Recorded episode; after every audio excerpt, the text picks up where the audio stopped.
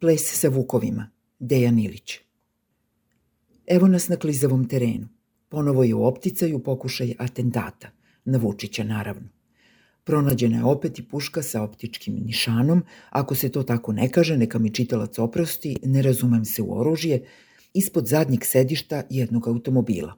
Prestao sam da brojim te pokušaje atentata na Vučića. Uglavnom sam verovao da su vesti o njima izmišljene. Samo što to nisam glasno govorio. Jedan ubijeni domaći predsednik vlade, dovoljno je da se svaki put kad pomislim da kažem da lažu za Vučića i atentat, ugrizem za jezik. I sada mi sve izgleda namešteno. Nisu radikalne desničarske organizacije ovde samonikle.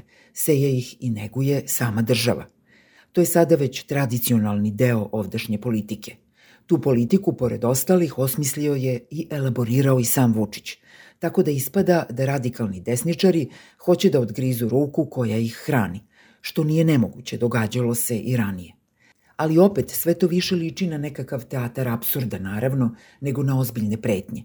S druge strane, i atentat na Zorana Đinđića bio je dugo javno najavljivan, što nije sprečilo da se dogodi.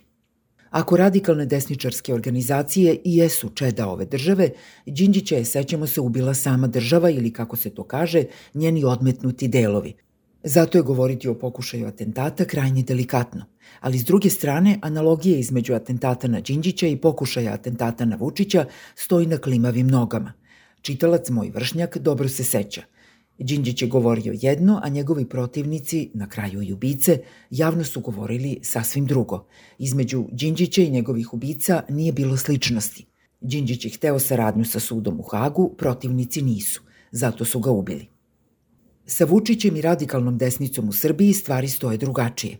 Ako možda baš i nisu ideološki blizanci, u javnost oni uglavnom izlaze sa sličnim parolama – Vučić viče ne dam Kosovo, oni viču ne damo Kosovo. Vučić kaže nikada neću priznati državu Kosovo, oni viču nikada nećemo priznati državu Kosovo. Vučić kaže ne može Kosovo u Ujedinjene nacije, oni kažu ne može Kosovo u Ujedinjene nacije. Dakle, govore sve isto, a ipak Vučiću prete ubistvom. Zašto pobogu? Tobože zbog predloga sporazuma. Oni ga ne bi prihvatili, kažu, ali kako kaže, neće ga ni Vučić.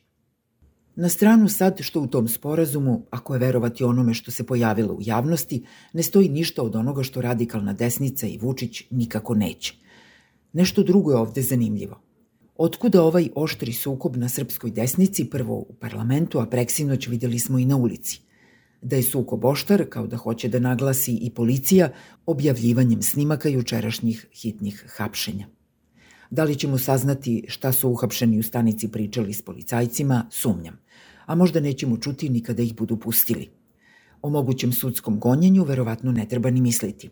Barem do sada ih nije bilo za pokušaje atentata. Dobro, ako sukoba nema, ako je sve samo predstava, u šta ja verujem pored ostalog i zato što mislim da je i jedan atentat u jednom veku za Srbiju previše, kakav bi bio njen smisao? Da li Vučić to pokušava da scenskim trikovima izvrda ultimatum? To pod uslovom da ultimatum zaista ima, u šta čini mi se opet ima dovoljno razloga da sumnjamo.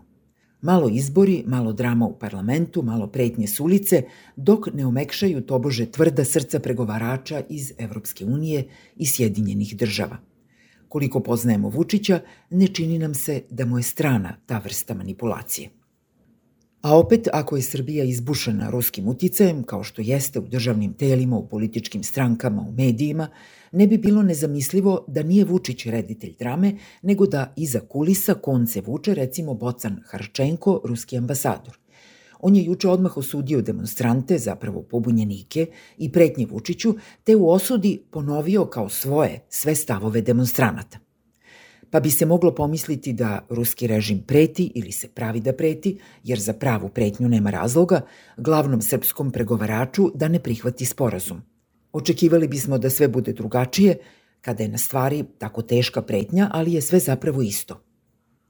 Vučić govori jedno, oni što mu prete ubistvom to ponavljaju, a onaj koji ih osuđuje takođe za njima ponovi isto – U taj papagajski niz može se dodati i deo opozicije iz parlamenta, kao i Vučićeve stranačke kolege, koji sve do jednog ponavljaju nema predaje.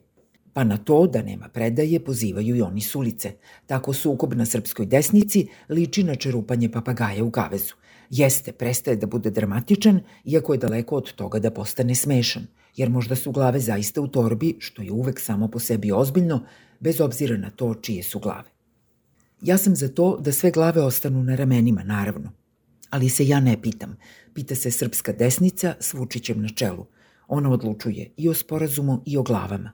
Ti ljudi na ovdašnjoj desnici i onako ne umeju drugačije da razgovaraju, sve sam krvolok do krvoloka ili vuk do vuka, pa zato i sukobi na srpskoj desnici izgledaju tako kako izgledaju, kao sukobi unutar čopora.